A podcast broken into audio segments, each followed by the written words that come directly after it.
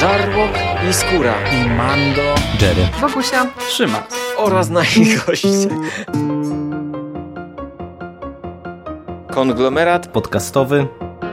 Wasze ulubione podcasty w jednym miejscu. Zapraszamy. Zapraszamy. Zapraszamy. zapraszamy. Zapraszamy.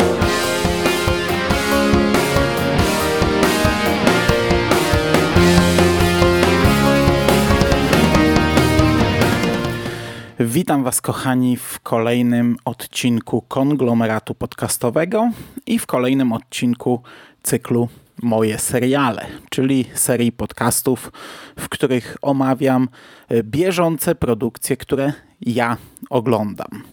Dzisiaj odcinek troszkę inny, pewnie trochę krótszy, bo tylko dwie produkcje. Dzisiaj nie będę zapychał podcastu kolejnym odcinkiem Into the Dark, antologii horrorowej, a to dlatego, że no tak sobie postanowiłem, że zrobię analogiczny podcast do jednego z zeszłorocznych odcinków. W zeszłym roku w jednym z podcastów e, moje seriale omówiłem pierwszy sezon serialu You, Ty, produkcji, którą wtedy e, dystrybuował Netflix, produkcji o mordercy, w pewnym sensie seryjnym mordercy, ale to tak e, no nie do końca. I uzupełnione to było serialem dokumentalnym również od Netflixa o Tedzie Bandim. E, teraz mamy analogiczną sytuację, ponieważ w grudniu Netflix wypuścił drugi sezon serialu You, a Amazon Prime Video przygotowało kolejny serial dokumentalny o Tedzie Bandim, i stwierdziłem, że zrobię sobie takie odbicie, taki analogiczny podcast. Obu tych seriali tak naprawdę nie do końca planowałem oglądać. Pomimo tego, że pierwszy sezon You oceniałem e, wysoko, bawiłem się na nim całkiem nieźle, to gdy minął ten e, okres między pierwszym a drugim sezonem, jakoś tak nie do końca mm, chciałem się brać za ten serial. Podobną sytuację miałem z drugim, ale to może później. E, I gdy wyjeżdżałem, teraz miałem taki wyjazd tygodniowy, byłem poza domem, na szybko zgrywałem sobie różne seriale, które mógłbym e, obejrzeć podczas tego wyjazdu i zgrałem właśnie zarówno You, jak i Teda Bandiego. Przy czym nadal nie, nie wiedziałem, czy, czy będę to oglądał, czy nie, bo zgrałem sobie też kilka innych, które mógłbym nadrobić. Ale wyszło tak, że obejrzałem oba seriale. I przechodząc już do You. Pierwszy sezon był oparty na książce Caroline Kepnes pod tytułem właśnie Ty. Drugi sezon jest również oparty na jej książce pod tytułem Ukryte ciała.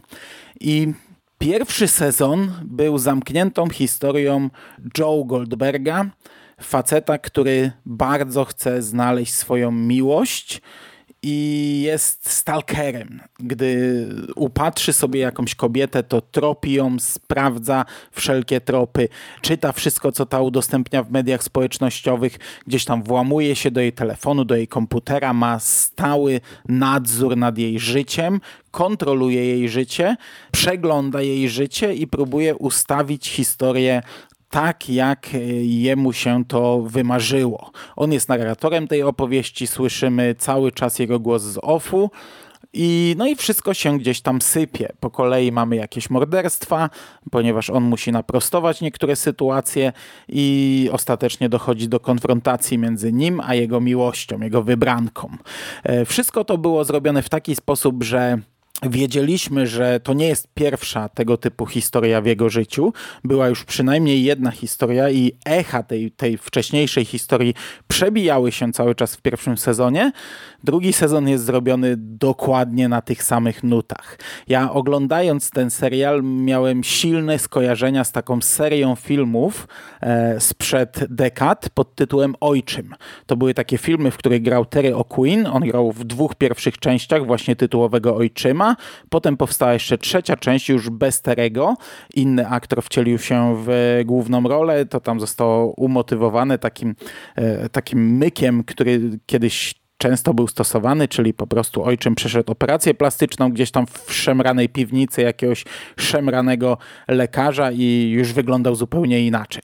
No i ojczym był oparty na takim prostym pomyśle. Mieliśmy faceta, który wymarzył sobie doskonałą rodzinę i on y, był starszy niż Joe, więc, y, więc no, szło to na trochę innych nutach. On o, upatrywał sobie już y, ukształtowaną rodzinę bez ojca, matkę, dzieci i wkupiał się w nich, poznawał ich, stawał się E, nową głową rodziny. Tej rodziny miał wymarzony dom, miał wymarzoną taką rodzinę z obrazka. No i też zwykle się sypało, ktoś go tam gdzieś rozpoznawał, gdzieś tam echa poprzedniej historii zaczynały przebijać.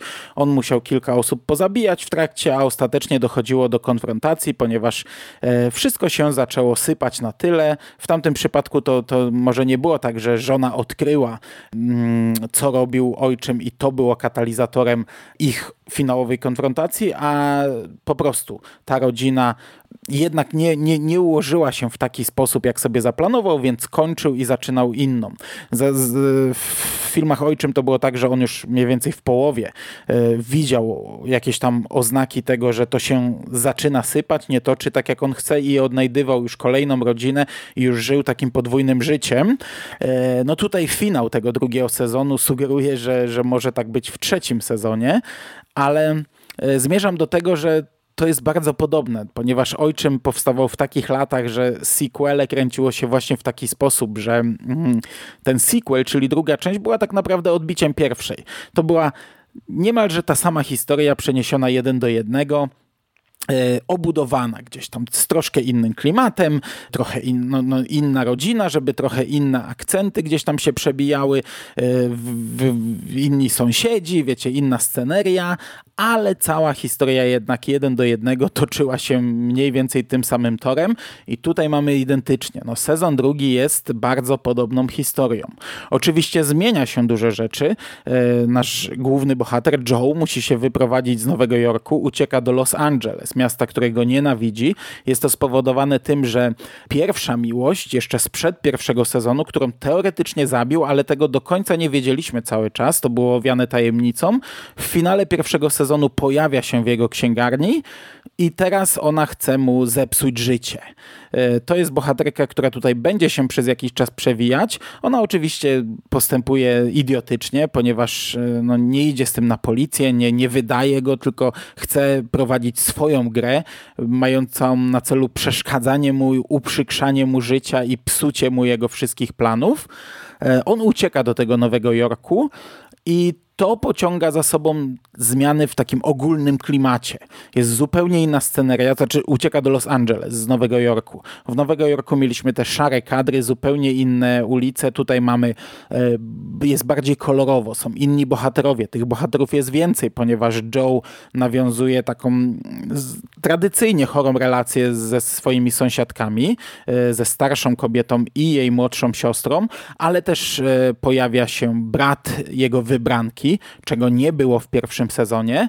Tam ona była samotna i miała jedynie przyjaciółki, które z kolei e, bardzo nie ufały e, Joemu. Tutaj też jego wybranka ma grupę przyjaciół, ale zupełnie inną. Ci, ci przyjaciele od razu kupują Joego, są w nim zakochani wręcz, no, kibicują temu związkowi. Natomiast brat y, to jest nowy element, który pociąga za sobą dużo takich pobocznych wątków. E, no i ogólnie całość jest zupełnie inna, bo ci bohaterowie no to są zupełnie inne charaktery. Mamy e, Los Angeles, czyli świat niespełnionych artystów, e, gwiazdek, upadłych gwiazdek, e, filmowców. Tutaj wszyscy gdzieś tam pracują nad jakimiś filmami niezależnymi, mają swoje spotkania, prowadzą jakieś stand-upy. Mamy dużo, wiecie, blogerów, influencerów, wszyscy gdzieś tam z telefonami kręcą filmiki, wszystko trafia na Instagrama, wszystko idzie w media społecznościowe. Mm, I to jest fajne. To jest coś, co gdzieś tam sprawia, że ten sezon jest troszkę inny. E, wybranka Joego, czyli Love Queen, w tej roli aktorka, którą mogliśmy widzieć e, w nawiedzonym domu na wzgórzu, również od Netflixa, jest też inną postacią. Jest postacią z problemami, z przeszłością, ma poważne problemy właśnie z bratem, ma poważne problemy z rodzicami, ma poważne problemy z poprzednim związkiem, jest dużo trudniejszą e, bohaterką, ale też dużo ciekawszą i dużo bardziej złożoną niż jej odpowiedniczka z pierwszego sezonu. Odpowiedniczka z pierwszego sezonu była dość prostą postacią, dość pustą postacią. Na pewnym etapie ja wręcz no, dziwiłem się Joemu, że czemu, czemu on e, tak bardzo upatrzył sobie tę postać i chce z niej stworzyć swoją wymarzoną żonę. E, Love wydaje się dużo bardziej pasować do tego schematu. Jednakże, no tak jak mówię, idziemy pewnymi tropami które są odbiciem pierwszego sezonu. Gdy w pierwszym sezonu trafiliśmy na jakiś jarmark e, odtwarzający jakieś historyczne sceny, tutaj trafiamy na taki meeting, e, na, na takie spotkanie. Trochę sekty, bo rodzice Love są takimi sekciarzami w zasadzie, takimi nie to, że hipisami, może kiedyś byli hipisami, to, to, to jest bardziej jakaś dziwna, e, dziwaczna sekta. E, no i dokładnie to samo. Tam poznał ojca, tutaj poznaje rodziców. Tam były problemy jakieś z rodzicami, tutaj też są te problemy z rodzicami. E, w odcinkach gdzieś tam w drugiej połowie, gdy przekraczamy drugą połowę, zbliżamy się już do finału. W pierwszym sezonie nastąpiło rozstanie.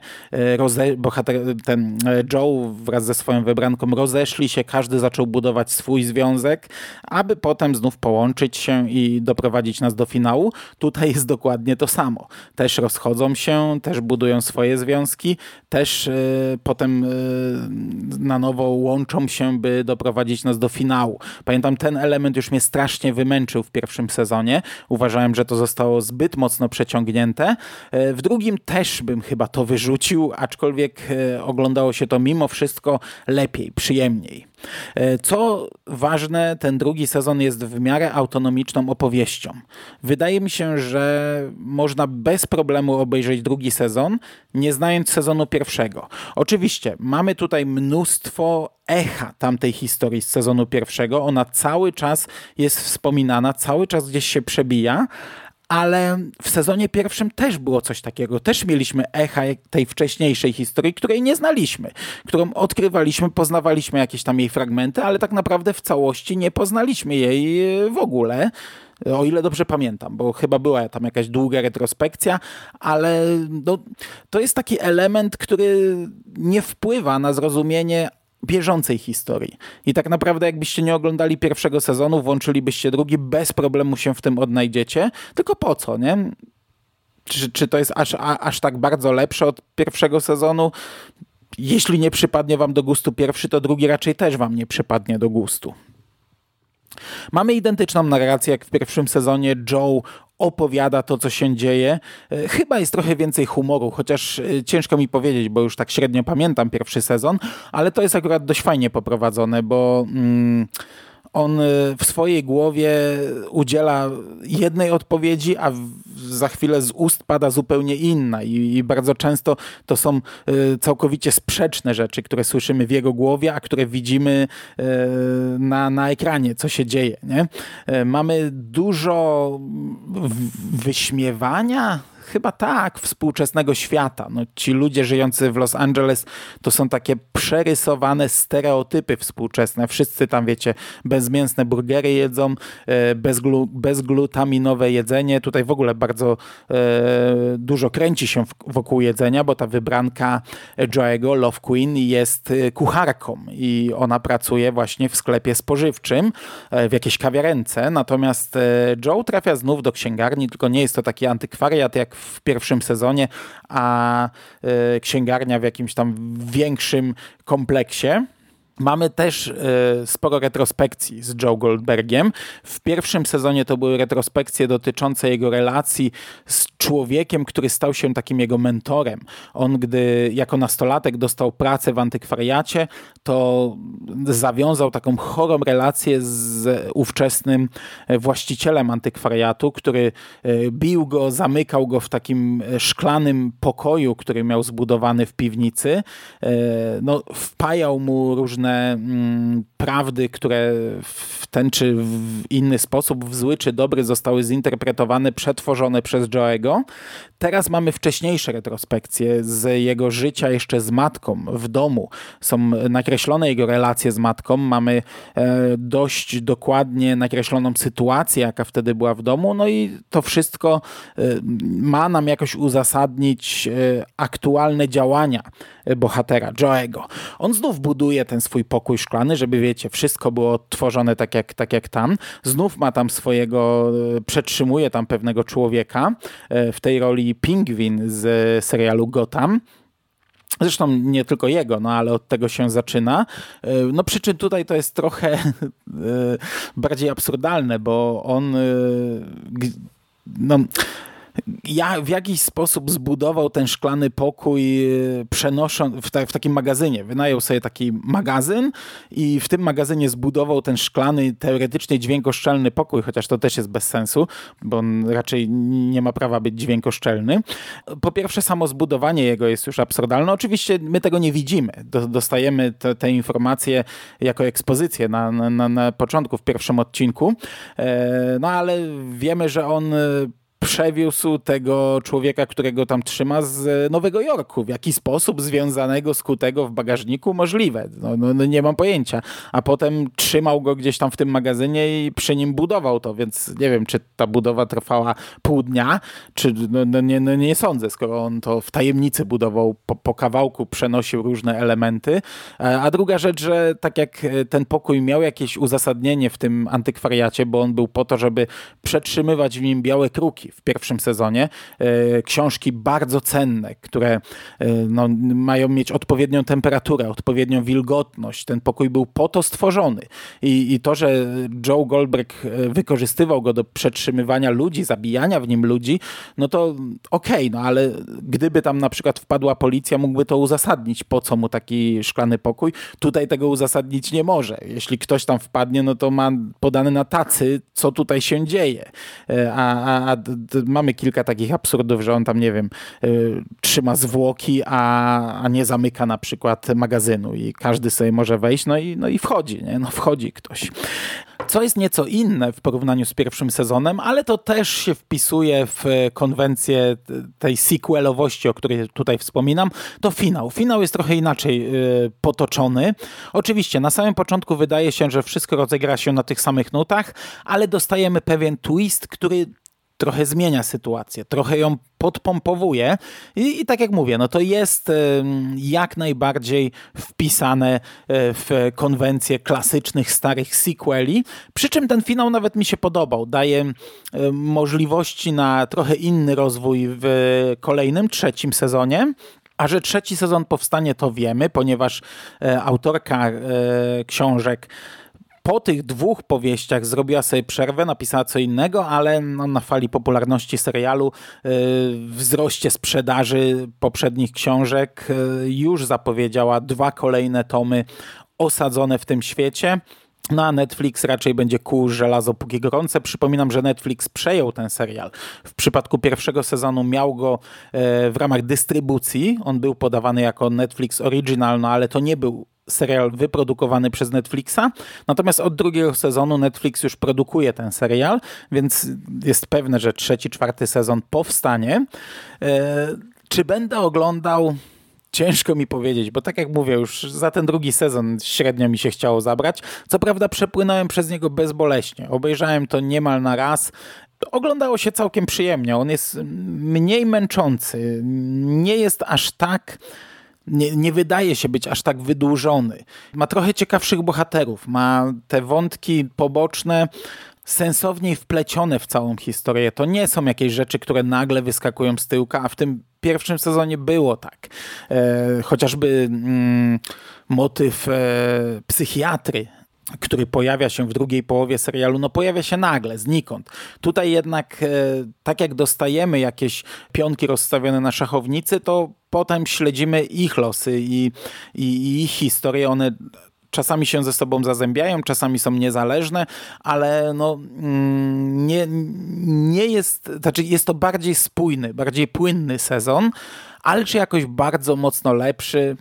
Może tam, wiecie, o punkcik, o, o jakiś tam plusik wyżej, ale to nadal nie jest y, coś, co, co, co sprawi, że ja na ten trzeci sezon będę nie wiadomo jak czekał. Podejrzewam, że będzie identyczna sytuacja za rok, że mm, gdy nadrobię te najbardziej y, ciążące mi zaległości, wyskoczy ten trzeci sezon, nie obejrzę go pewnie od razu, tylko w pewnym momencie przyjdzie ta, ta, taki, taka chwila, gdzie będę musiał coś na szybko pobrać, i, y, żeby zapełnić sobie jakiś właśnie wyjazd czy, czy jakąś nockę i najprawdopodobniej trafi na, na You. E, na chwilę obecną, no ja oceniam to całkiem nieźle, ale czy polecam? Nie wiem. Dobra, i przejdźmy do drugiego serialu. To jest e, serial dokumentalny, tak jak powiedziałem, o Tedzie Bundym. Nazywa się Ted Bundy Falling for a Killer. Po polsku to jest bodajże Ted Bundy Pokochać mordercę. I Tutaj sytuacja analogiczna. Przed rokiem oglądałem serial na Netflixie, który był całkiem niezłym serialem. On miał problem z rozwinięciem się na początku, ze startem. Pierwszy odcinek był troszkę nudny, ale od drugiego odcinka, jak, jak, jak zaczęło się coś dziać, gdy tak, ja pamiętam, że zarzucałem temu tyle, że w pierwszym odcinku za bardzo skupiamy się na dzieciństwie. Twórcy chcą koniecznie tę historię wydłużyć, opowiedzieć, nie wiem, od, od najwcześniejszego początku, jaki mają. Do tego pierwszy odcinek miał mało mm, dokumentacji. Tam ciężko było Mm, czymś nas zaciekawić, pokazać nam coś na ekranie, bo to były jednak głównie taśmy, nagrania z Tedem Bandym, ale też wypowiedzi gdzieś tam bieżących ludzi, tak jak to, znaczy bieżących, no żyjących współcześnie, ale mało było nagrań archiwalnych. Te nagrania archiwalne potem wypłynęły. W kolejnych odcinkach było ich mnóstwo. Gdy doszło już do procesu, to w ogóle e, w zasadzie e, ten proces był opowiadany archiwalnymi nagraniami. To, to była pełna narracja przez, z, te, z tego stworzona i to wyglądało fantastycznie, bo to był bardzo dobrze udokumentowany proces. I gdy teraz, niedawno, chyba w lutym, mm, pojawił się serial na Amazon Prime, mm, y, Pokochać mordercę, Falling for a Killer, nie planowałem go oglądać, bo jednak serial od Netflixa pokazał nam tę historię bardzo dobrze, bardzo dokładnie. Ja wspominałem o tym filmie fabularnym w tamtym podcaście, który wyszedł gdzieś tam przed rokiem maksymalnie. Ja tego filmu fabularnego nie obejrzałem ostatecznie. Y, wiecie, to, to no nie jestem psychofanem Teda Bandiego, żeby oglądać wszystko, a ta historia jest ciekawa. To jest fascynująca, absurdalna, nierealna wręcz historia. Historia, którą gdyby ktoś napisał scenariusz do filmu, to, to ten scenariusz by raczej nie przeszedł. Jest, jest tam tyle niewiarygodnych, nieprawdopodobnych zwrotów akcji, tyle dziwacznych zachowań bohaterów, totalnie nienaturalnych i mnie się ten serial od Netflixa śledziło fantastycznie. Poznałem pełną historię seryjnego mordercy. Na, tam na różnych płaszczyznach wychodziły tak absurdalne rzeczy, tak dziwaczne, że, że, że ja z rozdziawioną gębą czasami oglądałem ten serial i nie miałem ochoty oglądać filmu fabularnego. Bardzo możliwe, że to jest bardzo dobry film, ale jednak w tym przypadku, gdy mamy tak dobrze udokumentowane prawdziwe wydarzenia, gdy możemy spojrzeć w twarz tego człowieka, a on nie stronił od kamer i bardzo lubił być w świetle reflektorów. I gdy możemy zobaczyć naprawdę no, przedziwaczne sceny, które rozegrały się naprawdę, to, to, to wolę to obejrzeć w formie dokumentu i ten dokument tak naprawdę mi wystarczył. Analogiczna sytuacja jak z You. Wyjeżdżałem, szybko ściągałem różne rzeczy na różnych platformach internetowych. Ściągnąłem również to. Pojawiła się nowość, ściągnąłem, mówię, a zobaczę. Wiedziałem, że e, ma być tego, ma, tutaj ma być troszkę inny klimat, bo to jest e, serial robiony przez kobietę i serial, który miał opowiadać tę historię z punktu widzenia kobiet. E, włączyłem pierwszy odcinek. Pierwsza połowa nie zachwyciła mnie. Nie widziałem myśli przewodniej. Wydawało mi się, że na siłę jest to robione właśnie z takim punktem wyjścia, że opowiadają to kobiety. Wydawało mi się, że trochę na siłę jest nakreślana sytuacja kobiet w tamtym okresie, na tym etapie trochę tego nie widziałem. Tu mogę już od razu powiedzieć, że totalnie się myliłem. E, myśl przewodnia tego serialu jest fantastyczna, to jest przemyślane, to jest wszystko zrobione tak jak należy. Tutaj nic nie jest wrzucane na siłę i już pierwszy odcinek pokazuje, że to jest e, zupełnie inny serial. E, gdy dochodzi do pierwszego morderstwa, jest ono przekazane zupełnie inaczej i cały ten serial skupia się na drugiej stronie. E, chodzi o to, że widzimy wypowiedzi E, głównie kobiet, ale nie tylko, również mężczyzn, ale głównie skupiamy się faktycznie na kobietach, ale są to wypowiedzi osób silnie zaangażowanych w tę sprawę.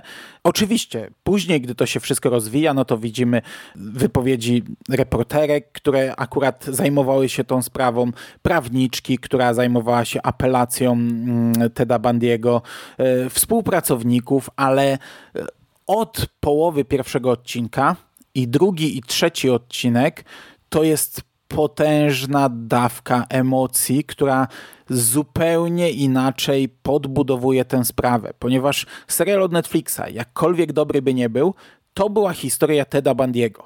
My mieliśmy tam poznać historię Teda Bandiego. Oczywiście skupialiśmy się na ofiarach, ale bardziej na pokazaniu tego, co się wydarzyło. Kogo zabił, kiedy, w jaki sposób. To zostało tam przekazane jak należy, widzieliśmy wszystko, jak do tego doszło, w jakich okolicznościach, ale nie czuło się tych emocji. Te emocje oczywiście były, zdawaliśmy sobie sprawę, e, jak straszne to były rzeczy, ale powiem wam, że ten serial od Amazon Prime e, no jest e, taką bombą emocjonalną, bo tutaj bardzo dużo miejsca poświęcono ofiarom. Przez pierwszą połowę serialu śledzimy historię Teda Bandiego, ale przez pokazanie jego ofiar. Nie śledzimy jego opowieści, śledzimy opowieść jego ofiar i na, na, na tej podstawie e, no, poznajemy kolejne elementy, kolejne elementy tej układanki i to jest e, doskonale zrobione. Już od pierwszej ofiary, mm, na początku mamy pierwszą ofiarę, która przeżyła, to też jest dużo emocji, ale potem od pierwszych śmierci, wiecie, to nie są tylko rzucone zdjęcie, nazwisko i fakty, a widzimy wypowiedzi rodziny, widzimy wypowiedzi przyjaciółek, osób zaangażowanych, silnie zaangażowanych emocjonalnie. Widzimy bardzo dużo zdjęć i nagrań z prywatnych archiwów i poznajemy te osoby. Te osoby nagle zostają dużo bardziej uczłowieczone. My dowiadujemy się, kim były. Widzimy te uśmiechnięte zdjęcia z przeszłości. Dowiadujemy się, co robiły, jakie miały plany życiowe, jakimi ludźmi były te kobiety. I, no i to stawia tego człowieka w strasznym świetle, bo e, w tym serialu od Netflixa to było fascynujące, gdy widzieliśmy tego aroganckiego człowieka, który uśmiechał się z uśmieszkiem opowiadał różne rzeczy, e, grał, bawił się przed kamerami, pomimo tego, że, że nie wiem, mm, no, kolejne wyroki zapadały, kolejne kary śmierci. On się bawił, on się śmiał, uśmiechał, odgrywał swoją rolę. Tutaj widzimy to samo, ale przez podbudowanie tego, przez ten kontekst, przez to, że e, widzimy, ile rodzin zniszczył, ile mm, żyć zakończył, ile linii uciął, to odbiera się zupełnie inaczej.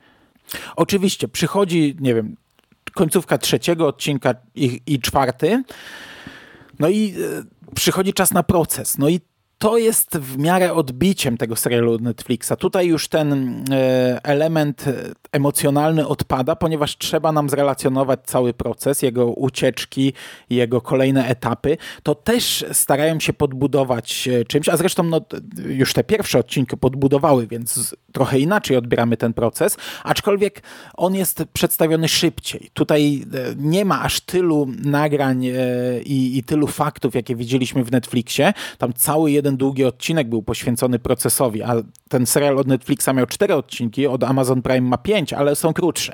Tamte były ponadgodzinne w większości i tam dostaliśmy wiele innych ciekawych rzeczy yy, w związku z tym procesem. Tutaj ten proces jest skrócony. To jest oczywiste, no bo chcemy się skupić na, na innych aspektach tej historii.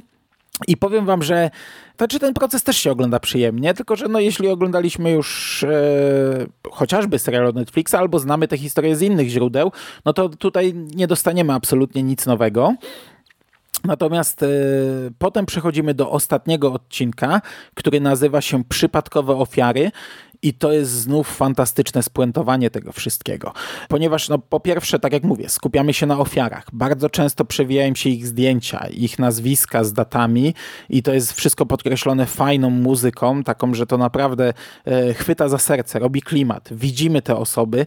Bardzo często przewijają się zdjęcia z ich przyszłości. Te zdjęcia się powtarzają oczywiście. No, to są dokumentacje z lat 70. Wtedy nie strzelało się tysięcy zdjęć, więc niektóre zdjęcia tam po kilkanaście albo i kilkadziesiąt razy się gdzieś tam przewijają, ale y, końcówka pokazuje, podkreśla inne mm, konsekwencje tych wszystkich wydarzeń.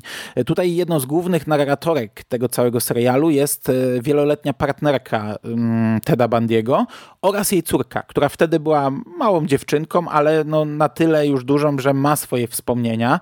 To też się ogląda no, dziwnie, bo no ona jako dziecko wspomina go fantastycznie. I gdy w końcu zderzyła się z tym, kim on naprawdę jest, to dość mocno za, zatrząsło jej życiem, trochę zniszczyło jej życie. Ona mm, bardzo emocjonalnie podchodzi do jednej z ofiar, gdy Ted uciekł drugi raz z aresztu to uciekając zabił dwunastolatkę, dziecko, dziewczynkę z podstawówki i to była, w zasadzie była odbiciem e, tej córeczki wtedy. Ona do dzisiaj e, ma bardzo ciężką traumę po tym. Kontaktowała się z, z matką tej, tej, tej dziewczynki. Mamy tutaj bardzo dużo o współuzależnieniu i dostajemy relacje no, no, mm, z tego chorego związku, bo tutaj y, było dużo wyparcia, jeśli chodzi, już teraz nie mówię o córce, tylko o tej wieloletniej partnerce, jej matce, ale gdy Ted siedział już w więzieniu, no to ona nadal utrzymywała z nim kontakt listowny, no i to niszczyło jej życie. Ona była alkoholiczką po tym wszystkim, e, ledwo wyszła z tego nałogu i tak dalej, i tak dalej, ale w tym ostatnim odcinku widzimy na przykład też, jak mocno wpłynął na inne życia, bo e, w trakcie całego serialu wypowiada się też młodszy brat Teda Bandiego i on sprawia wrażenie takiego człowieka, który no, no przecierpiał swoje, widać, że życie nie było łatwe, ale takiego, który gdzieś tam stara się, starał się żyć e, ponad to, obok tego. A, a w końcówce mamy jakby nagle oddalenie kamery i widzimy, gdzie on żyje. Żyje w kamperze, żyje w w takim, no, y, a to już jest starszy człowiek, siwy starszy człowiek, żyje w takim miejscu, y, no, które ciężko nazwać domem i on tam może nie mówi dosłownie, to, to nie pada z ekranu, ale bardzo mocno przebija to, że on zniszczył mu życie również. Y, na przykład ta partnerka Teda mówi, że zatrzymała album ze zdjęciami, żeby no, przypominać sobie, że jednak były szczęśliwe chwile i ona cały czas próbuje sobie wmówić, że to nie było oszustwo, że to było prawdziwe. Natomiast w końcówce ostatniego odcinka bratu pokazują zdjęcie z jakiegoś ich wspólnego wypadu pod namiot, e, ognisko, oni sobie tam siedzą razem i on nie chce patrzeć na to zdjęcie. On mówi, żeby je wzięli sobie, że to nie są szczęśliwe wspomnienia. To mogłyby być szczęśliwe wspomnienia, ale wystarczyła jedna śmierć, żeby one przestały być szczęśliwe. E, widzimy wypowiedzi cały czas tych e, już teraz no, starych ludzi, y, sióstr, y, matek ofiar i w finale mamy taką szalenie emocjonującą rozmowę, gdzie y, jest już po wyroku, po egzekucji i ten serial od Netflixa pokazywał również fenomen tego, co się wtedy działo, jak ludzie fetowali, wiwatowali, tam były imprezy, grille, picie, śpiewanie, gitary, koszulki, gadżety. To też widzimy, takie migawki tego widzimy w tym serialu, ale to jest zestawione z, wypowiedzi, z wypowiedziami ofiar, no, osób zaangażowanych. I oni mówią, matka ofiary mówi, że no dobrze, fajnie, że to się skończyło, ale to jest zły koniec. To jest kolejna tragedia. Kolejna matka straciła dziecko i widzimy, znaczy słyszymy na ekranie rozmowę, która została nagrana między nią a matką Teda Bandiego i to jest szalenie emocjonująca rozmowa, gdzie matka Bandiego przeprasza ją, e, że nie wiedziała, że nie chciała tak wychować syna. Ona również jej, jej wybacza, jej, znaczy wybacza, no mówi, że nie ma żalu, jej składa wyrazy współczucia, że jako matka rozumie, że właśnie straciła dziecko, nie? To są bardzo mocne sceny, a jednocześnie na koniec na przykład te kobiety po tym wszystkim już, gdzie, gdzie dostaliśmy te, te fale emocji, one mówią, e, ale tutaj chcemy zaznaczyć, że to jest nasze stanowisko, mężczyźni w naszej rodzinie uważają inaczej. Nie? Mój ojciec mówi, że gdyby go dorwał w swoje ręce, urwałby mu jaja, a mój mąż również mówi, że gdyby tylko spotkał go na swojej drodze, to, to, to by go ukatrupił. I to jest też takie fajne na koniec pokazanie, jak różne są punkty widzenia. Tutaj gdzieś tam na początku było powiedziane, że historia Teda Bandiego już była opowiadana setki, tysiące razy, ale nigdy z punktu widzenia kobiet. I to fajnie pokazuje, bo wiecie, ja, ja je rozumiem, ja czuję te emocje, ja naprawdę miałem kilka razy momenty, że, że, no, że nie tyle, że się popłakałem, nie? No, ale, ale było mi ciężko patrząc na to wszystko. A to jest jeszcze fajnie pokazane, że nie mamy takiego typowego rozklejania, jak to w naszej telewizji czasami widzimy. Jeśli oglądacie naszą telewizję, pierwszy lepszy talk show, to każdy e, uczestnik musi zaraz e, wyjawić jakąś swoją traumę z przeszłości, popłakać się, pięć zbliżeń e, przedłużonych na twarz, jak on ryczy i tak dalej. Tutaj są czasami załamania głosu. On, oni muszą na chwilę przerwać rozmowę, gdzieś tam wziąć oddech, ale chyba nie ma w ogóle płaczu. E, natomiast, tak jak mówię, rozumiem te kobiety, jak najbardziej się z nimi e, utożsamiałem, ale jednocześnie rozumiem też tych mężczyzn, bo ja jako ojciec córki również urwałbym takiemu bydlakowi jaja, więc, e, no, więc to, to nie jest na siłę pokazanie innego punktu widzenia. To jest po prostu pokazanie innego punktu widzenia. I fantastycznie się to, to, znaczy, to jest złe słowo, fantastycznie. Ja, ja mówię, miałem bardzo ciężkie emocje, przeżywałem oglądając ten serial, ale y, fantastycznie się to ogląda po tych, kurczę, ponad 40 latach, gdzie widzimy jak to wpłynęło na, na ludzi, którzy cały czas żyją i którzy cały czas to przeżywają i którzy, których to cały czas nie opuściło. I, i to jest kurczę, naprawdę bardzo dobry serial. Gdybym miał wybrać, gdybym miał na przykład polecić jeden, bo, bo nie każdy jest, pewnie szanujecie swój czas i nie chcielibyście oglądać dwóch, Trudna sprawa. Jeśli nie znacie tej historii, to ten od Netflixa jest e, naprawdę bardzo ciekawym serialem, bo, bo, tak jak mówię, no to się ogląda przecierając oczy wielokrotnie. Wydaje mi się, że ten e, od Amazon Prime aż tak nie przedstawia tej historii, ale może to dlatego, że już ją znałem i jestem z nią w miarę na bieżąco. I teraz, gdy dochodziło do kolejnych tam zwrotów akcji w e, całym procesie i, i we wszystkich czynnościach przedprocesowych TEDa, no to ja już je znałem, byłem niedawno to oglądałem, więc mo możliwe, że dlatego tak to odbierałem.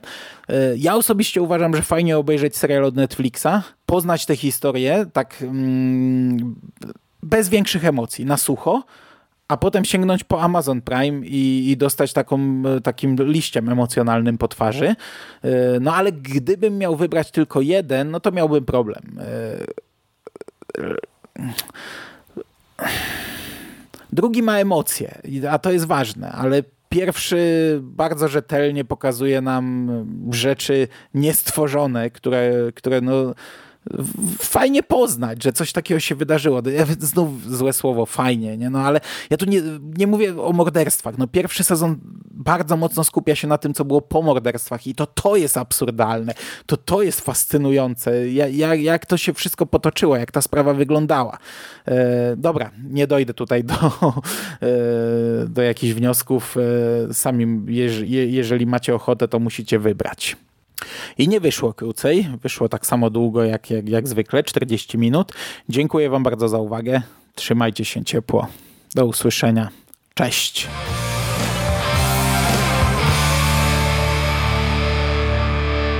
You finished? That's it, man. Game over, man. It's game over. What the fuck are we gonna do now? What are we gonna do? It's over. Nothing is over. Nothing. You just don't turn it off.